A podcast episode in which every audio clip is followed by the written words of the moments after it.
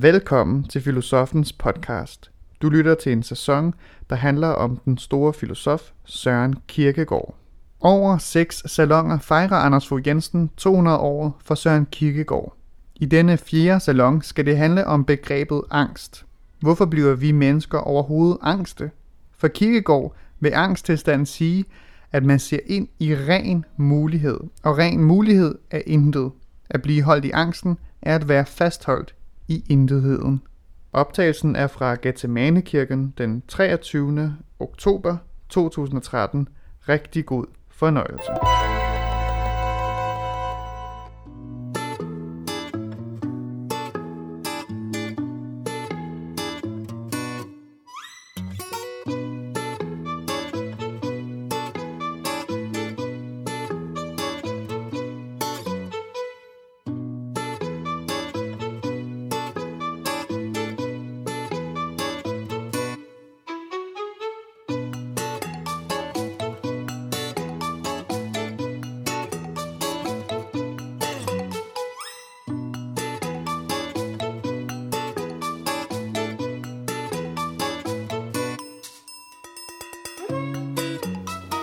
Jeg tror egentlig bare, at han vil gå, gå lige på øh, og tale.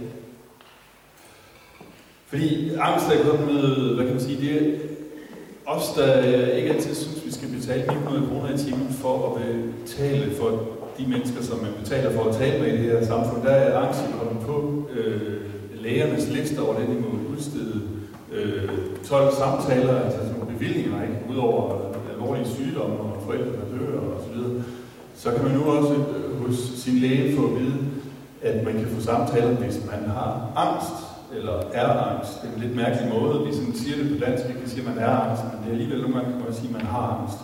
I hvert fald det, de siger på tysk. Øhm, og jeg tror, at øh, jeg, jeg, hvis, jeg vil dele det her op i tre dele. Og det første, det handler om, hvorfor øh, at mennesker overhovedet kan blive angst. Og det andet, det handler om tre typer af angst, som Kierkegaard beskriver. Øh, og det er jo særligt øh, værk, der hedder begrebet angst, og det her bliver, bliver behandlet ret indgående. Og til sidst, det er den tredje del, så vil jeg sige en lille smule om, hvorfor øh, jeg mener, at angst er blevet et mere udbredt fænomen, end øh, det vil nok bare for Kierkegaards øh, tid. Så det er, det er de tre øh, ting, jeg vil sige i dag, og jeg synes, det er ret vigtigt, at man øh, også tænker på, at Øh, når vi taler om angst her, så taler vi ikke om det som en patologi, eller som at man er syg, fordi man har angst. Øh, og det er ikke for at sige, at man ikke godt kan lide af noget, som gør, at man er øh, altså, sindslidende med angst.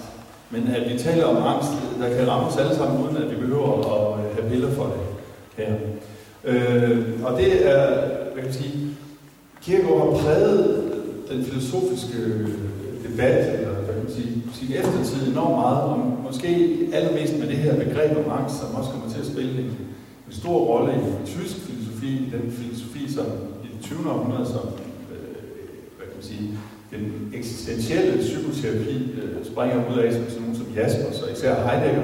Og der er det som om, at angst det bliver ikke det sted, hvor man, øh, hvad kan man sige, bliver blind, men det bliver det sted, hvor man, Øh, det er sådan et sandhedsøjeblik, hvor, hvor angsten en chance for at lave ting.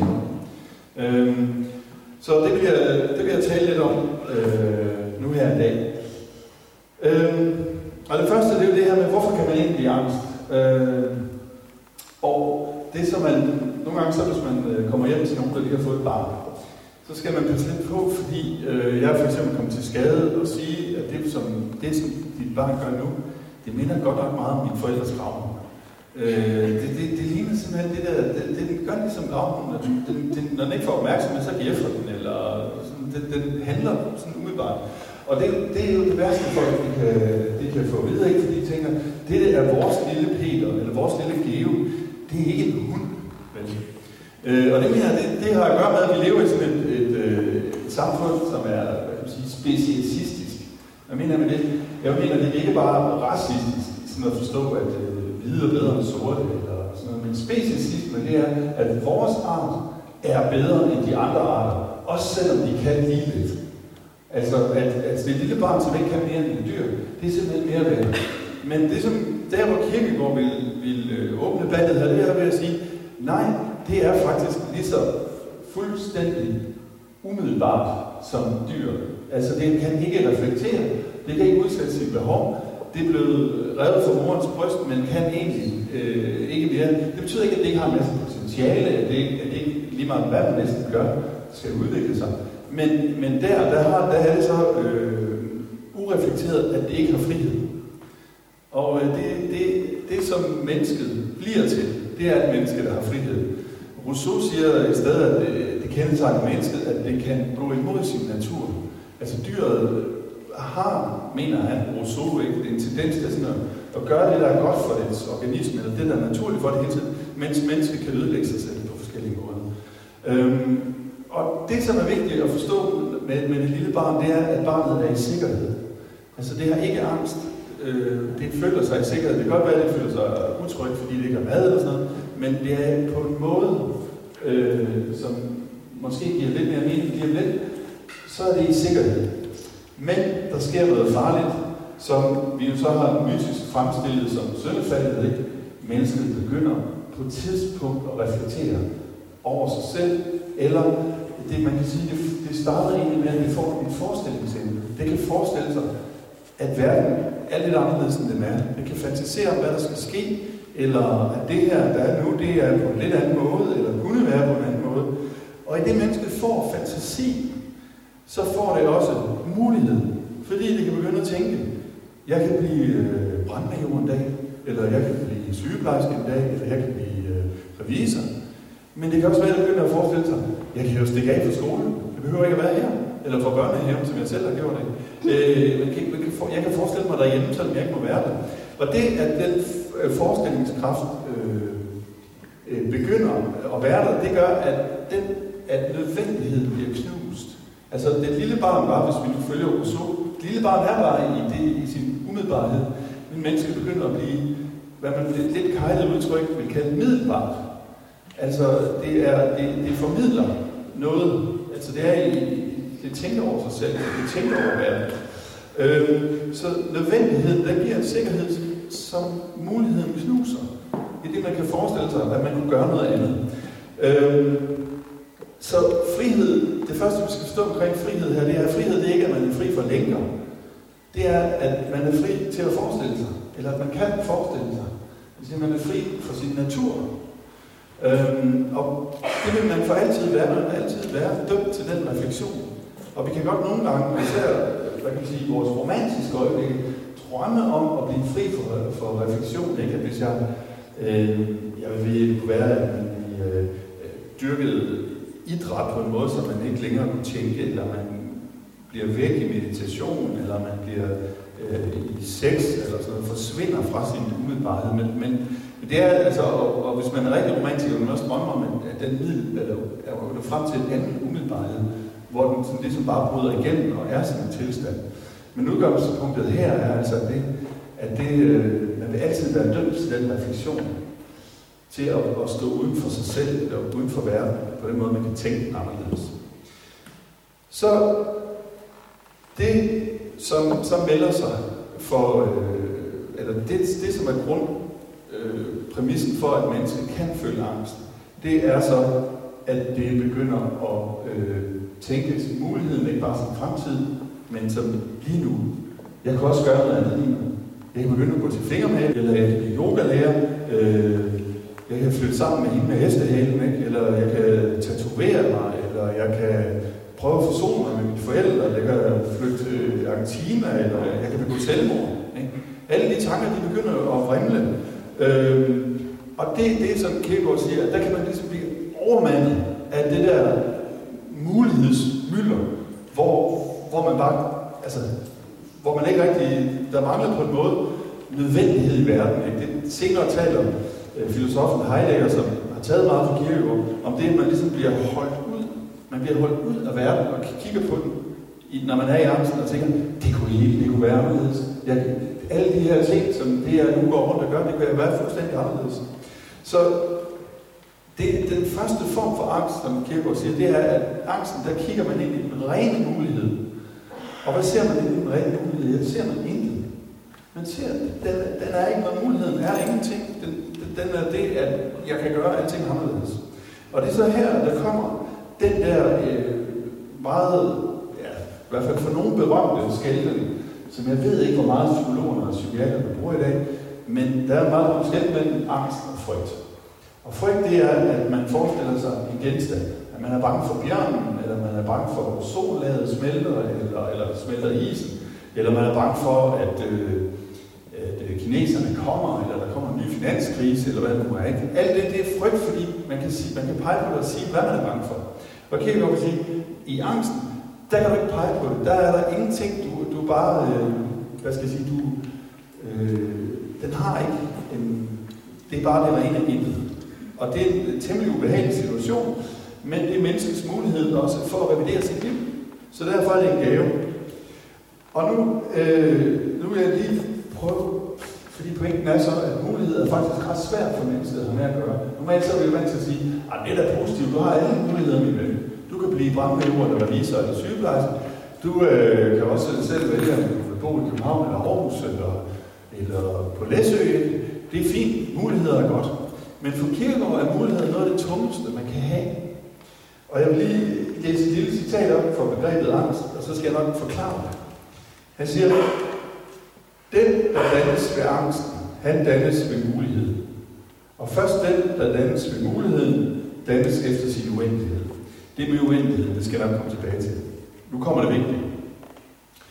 Muligheden er derfor den tungeste af alle kategorier. Det skal vi lige huske det der. Muligheden er den tungeste af alle kategorier. Vel hører man ofte det modsatte, at muligheden er så let, men virkeligheden så tung. Altså det her, ej, nu sidder jeg her, nu har jeg fået familie og mine børn, og nu kan jeg ikke bare lige leve op i mit liv, eller jeg har mit arbejde. Den virkelighed, der er her, og jeg har så også mange penge at gøre med, den virkelighed, den er så tung, men tænk, hvis jeg havde den mulighed. Men Kierkegaard mener altså det Han mener, at det er muligheden, der er den tungeste.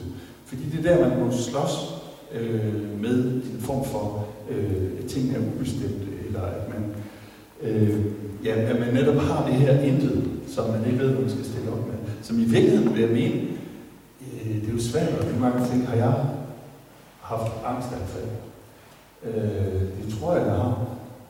Men hvis jeg har, så er det i hvert fald meget kropsligt. Øh, og det tror jeg også, at man vil sige, øh, at det er. Og hvad gør man så, når man, med, øh, når man møder angsten? Jo, det mest, det mest brugbare, man kan gøre, ikke, som vi nok mange af os gør, hver gang det er ubehag, det er, at vi flygter ind i travlheden. Fordi travlhed, den kan ligesom, hvad kan man sige, imitere den sikkerhed, som barnet havde. Fordi der bliver ligesom væk i, i nødvendigheden. Ikke?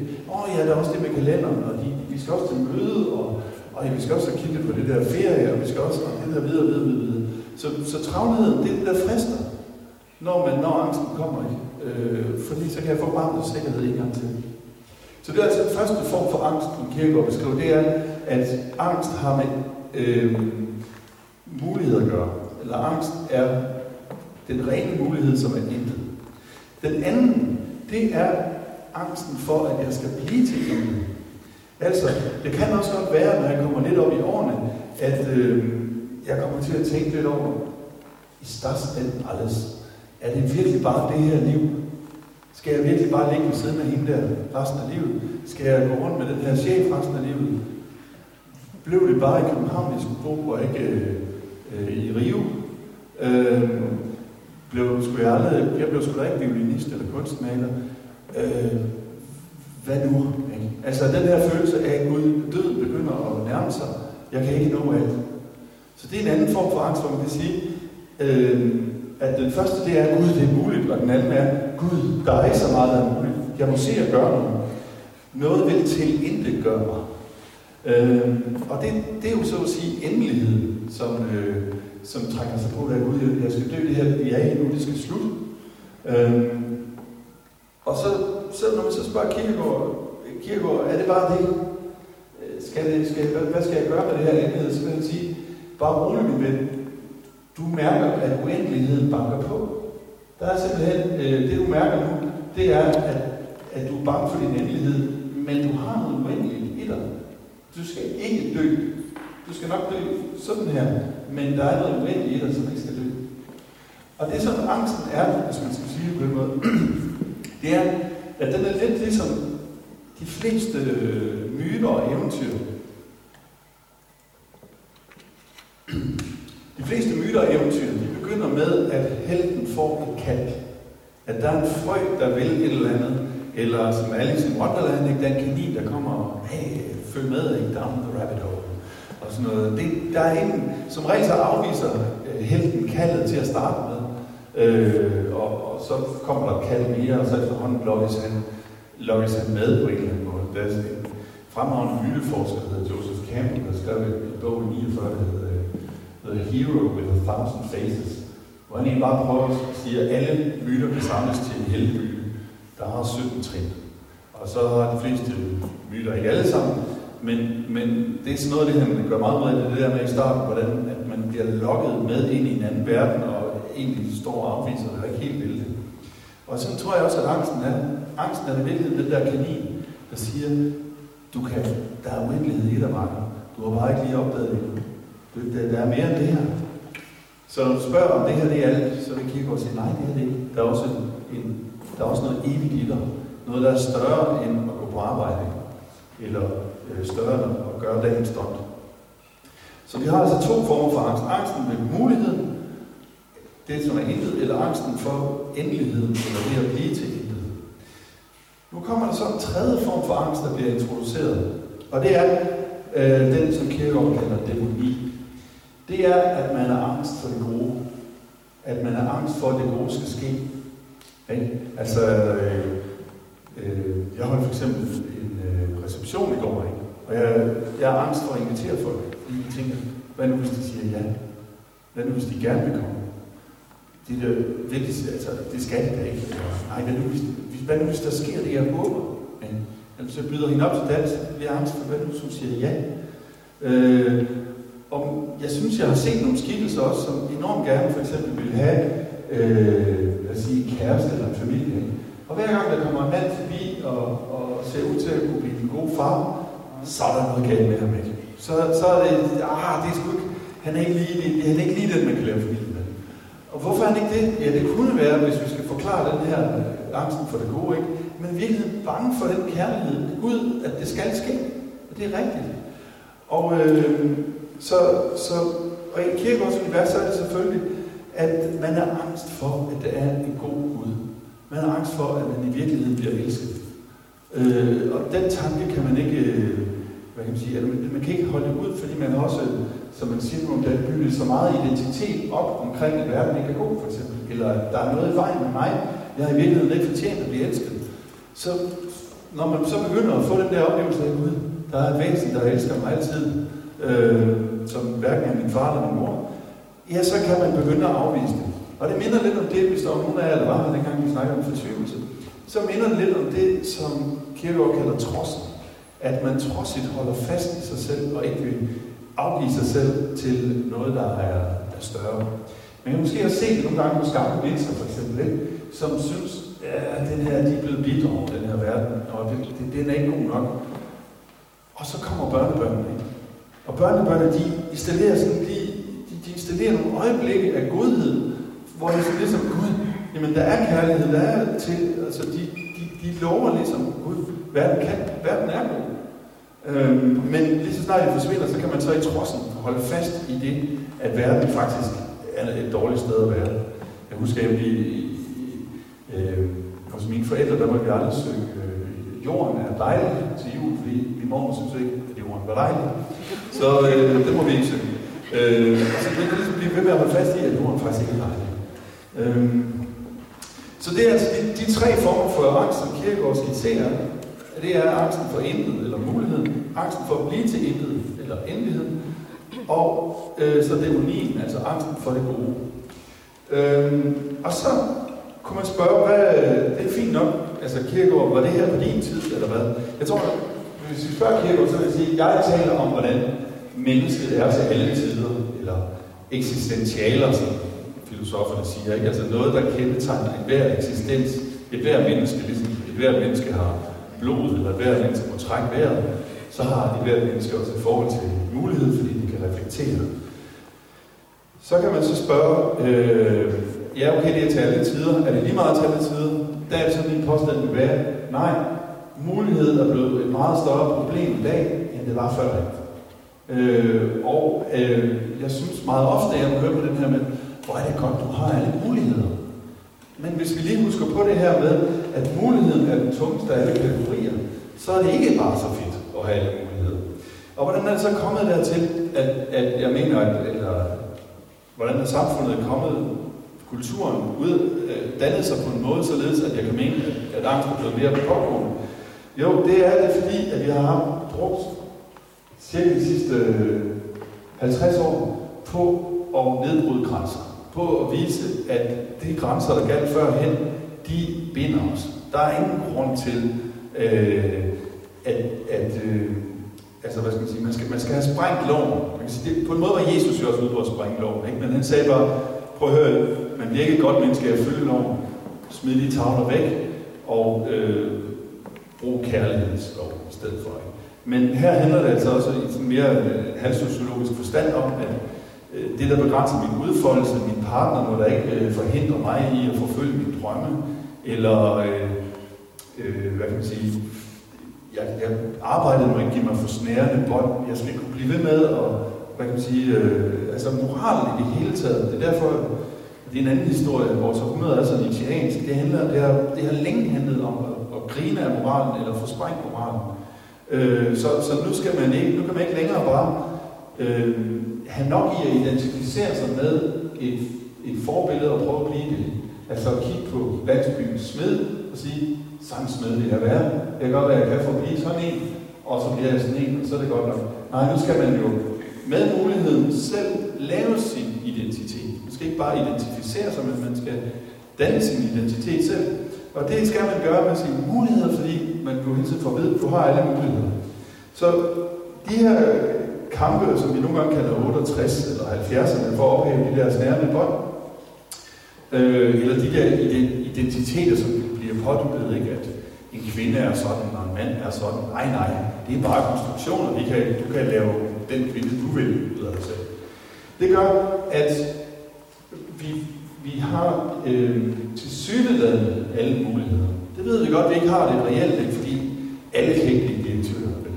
Alle kan ikke øh, præster. Men det er ikke så vigtigt her. Det er vigtigt, er, at vi til synligheden har en mulighed. For det er det, der skaber så, så meget angst, at man ikke ved, hvad skal jeg gøre med det? Hvad skal, når man, man ser sådan nogle mennesker sige, du kan læse alle studier. Hvad kan du tænke dig?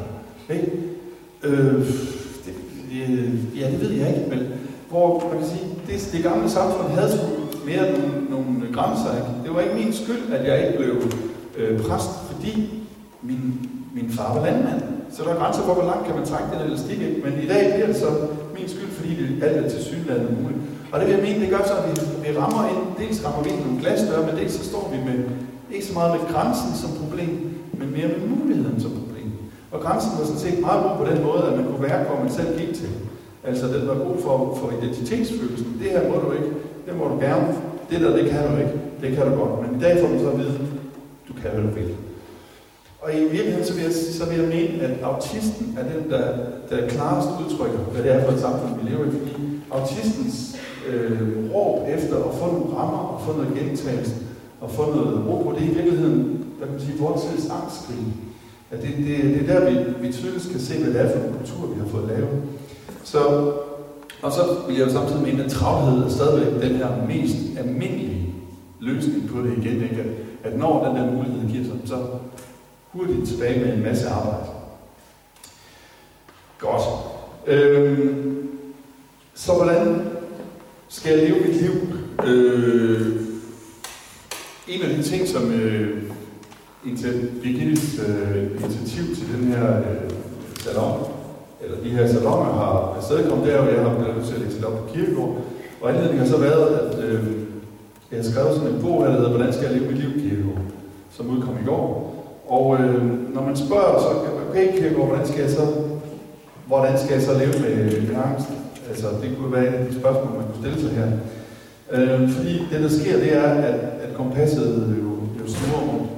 Og som vi har været inde på, jeg der har været nogle andre gange også, øh, men, men nu er det her ikke en forelæsningsrække, så derfor kan jeg godt, eller i hvert fald ikke et kursus, så jeg kan godt lige gentage noget, så handler det jo simpelthen om her at få noget nødvendighed i. Og det er netop det, som franske eksistentialister også tager op, ikke? Det er valget, der, der skal sørge for den øh, nødvendighed. Og det, som Kierkegaard han ikke tilbyder os, synes jeg, i det her, hvor, hvor kompasset snurrer rundt, og mange ting synes muligt, han tilbyder os ikke en grænse. Men han tilbyder os i stedet for et punkt. Han tilbyder os et holdepunkt og siger, du skal stå ved dig selv, du skal vælge dig selv, og, den, og du skal være i den angst, fordi det er der, at åbningen til uendeligheden ligger. Øhm, og så skal man huske på, tror jeg, at, at øh, når folk siger til en det her med, øh, for at citere Kierkegaard igen, muligheden er så let, virkeligheden er så tung, at muligheden faktisk er den, den tungeste af alle kategorier.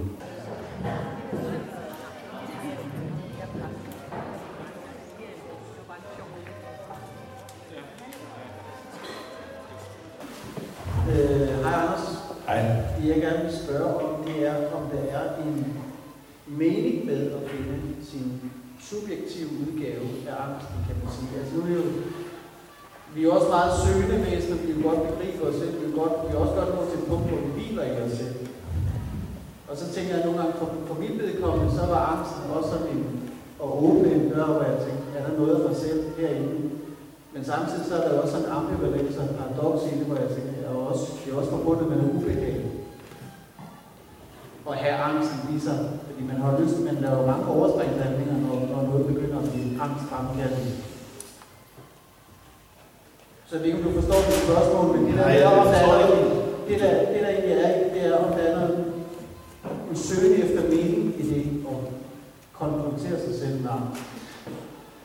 Ja, altså, hvis man tager, prøver men hvis man tager de aftager, for eksempel i den franske eksistentialisme, så tror jeg, at de måske mere tydeligt siger, hvad Kierkegaard også tænker, nemlig at angsten, der ser man, at den verden her, den er meningsløs.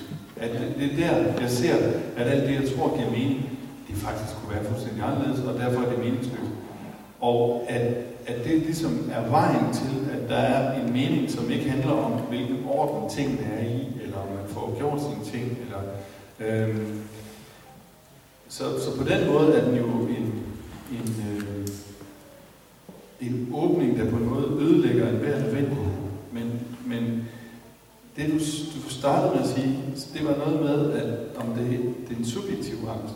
Det forstod jeg nu ikke helt. Øh, Ja, det er fordi, altså man kan jo øh, øh, google alting, og man kan søge andres udgaver af angst rundt omkring, og man kan læse om det hist og pist, og så finder man måske også, så kommer man til at sammenligne, vil jeg tro. Ja. Eller jeg. ja. Men så tænker jeg, at på de stunder, hvor jeg har været sammen med min egen angst, så, så, kommer der noget op, er det her angst, eller er det frygt, eller øh, er det restløshed, eller er det tomgang, eller hvad vi er ude i. ja.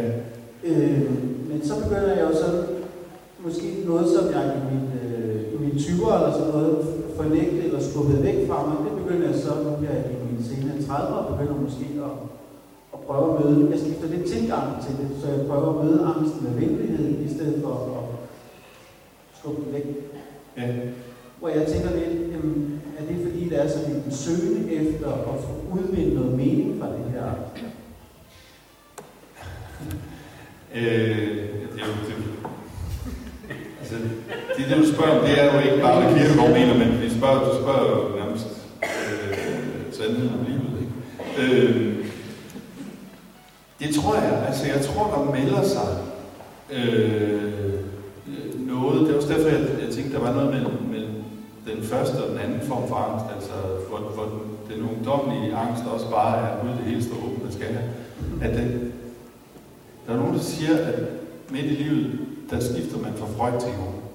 At øh, Freud, det her, det handler om barndom, og Jung, det handler om, om øh, 40 år frem efter. Ikke? Og øh, det tænker jeg, der er måske også noget af det samme her, som, øh, som gør sig gældende, nemlig at, man, at, at det meningsspørgsmål, det trænger sig voldsomt op på, end det gør i starten. Også fordi, at der kan man jo, at det kommer nok en dag, eller der kommer til at ske noget en dag, eller når jeg bliver voksen. Øh, og øh, det, det er det bedste bud, jeg har, altså på, på øh, at, at det er et ja. Det er også rigtigt. Jeg tænker, hvis nu muligheden er en tunge,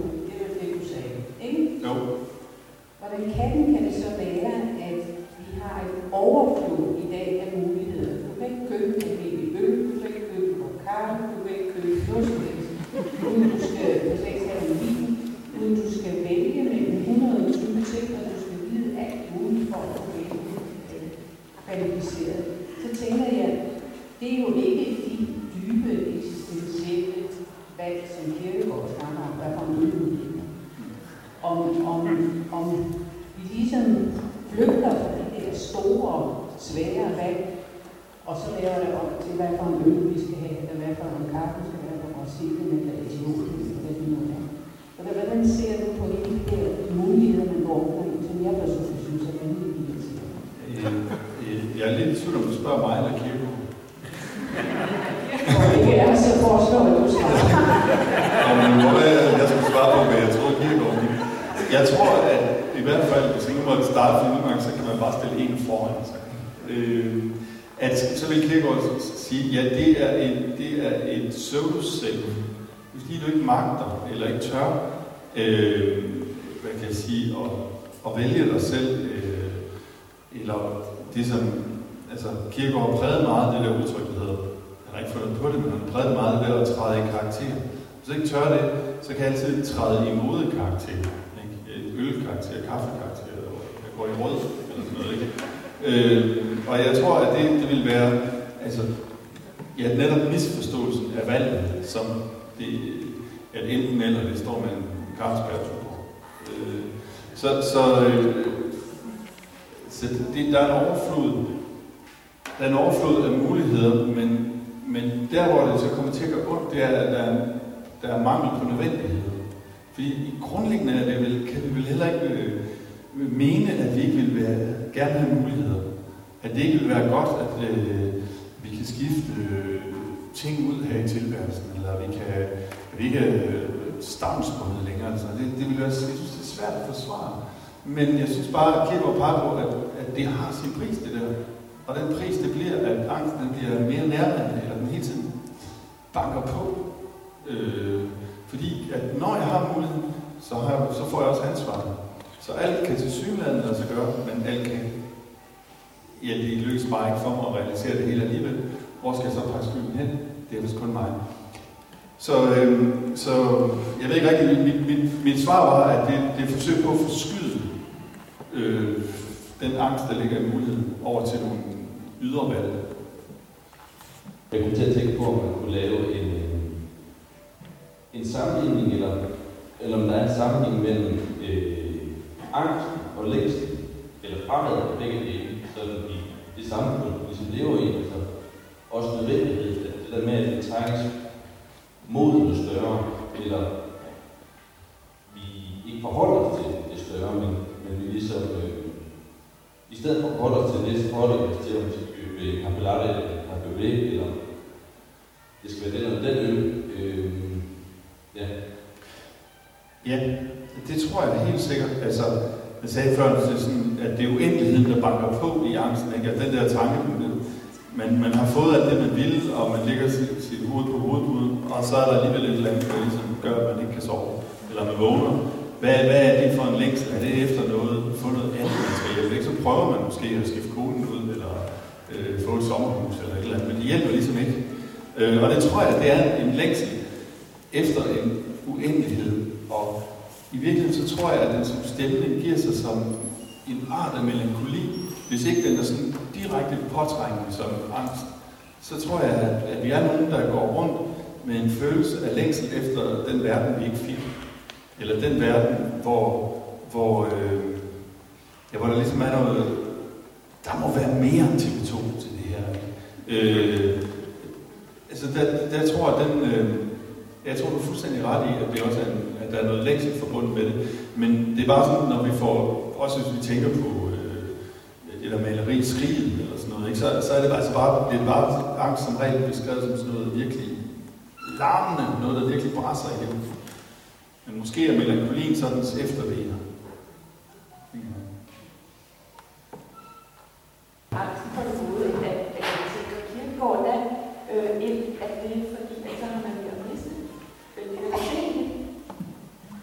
Ja, altså man bliver med, du spørger, er angsten for det gode, er det tænkt ind? Ja, fordi Det, får man det, så har man også ved at miste.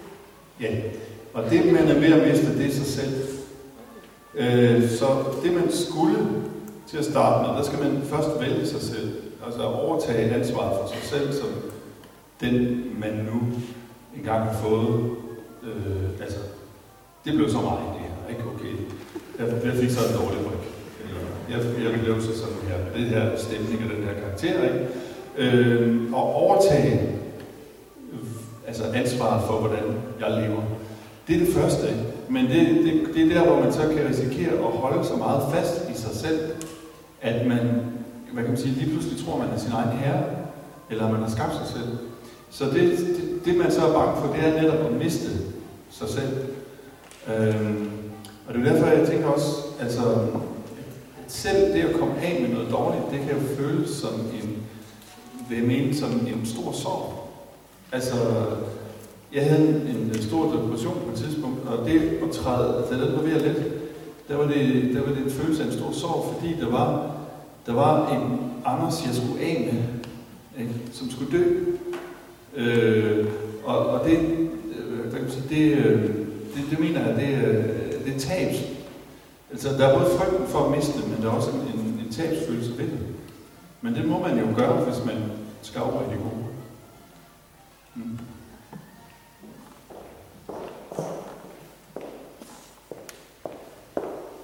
Der var Jørgen igen.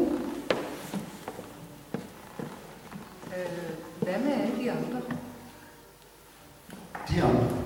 Ja, jeg mener dem, der ikke er mig selv og jeg selv og selvet og øh, min angst og min...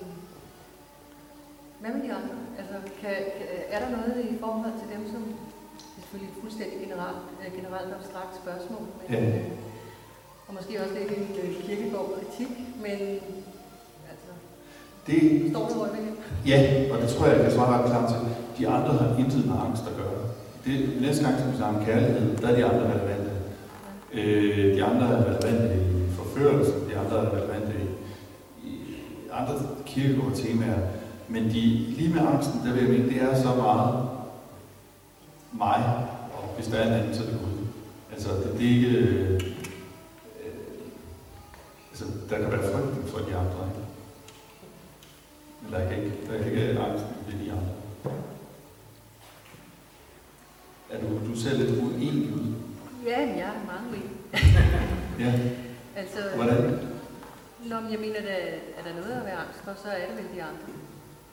Ja, og det er så der, hvor, hvad kan man sige, at vi i dag bruger angst, hvor kirkegård vi skælder mellem angst og frygt. Øh, altså sociofobi, altså at være bange for at komme her i aften. Det bliver også, altså jeg ved heller ikke, om den skældning holder helt. Altså om det ikke også er en, en mere abstrakt frygt ved, eller generaliseret frygt ved.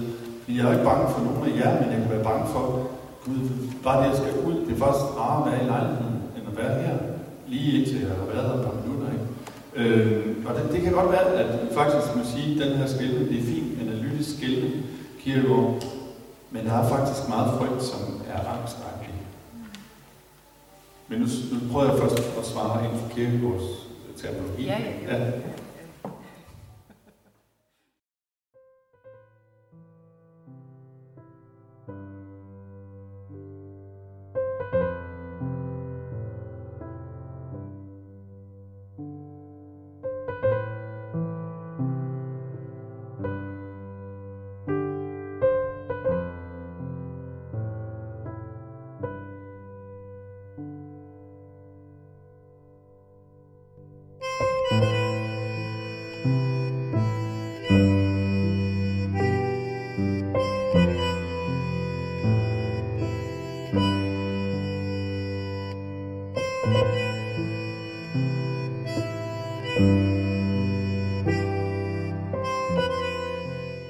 Du har lyttet til Filosofens podcast.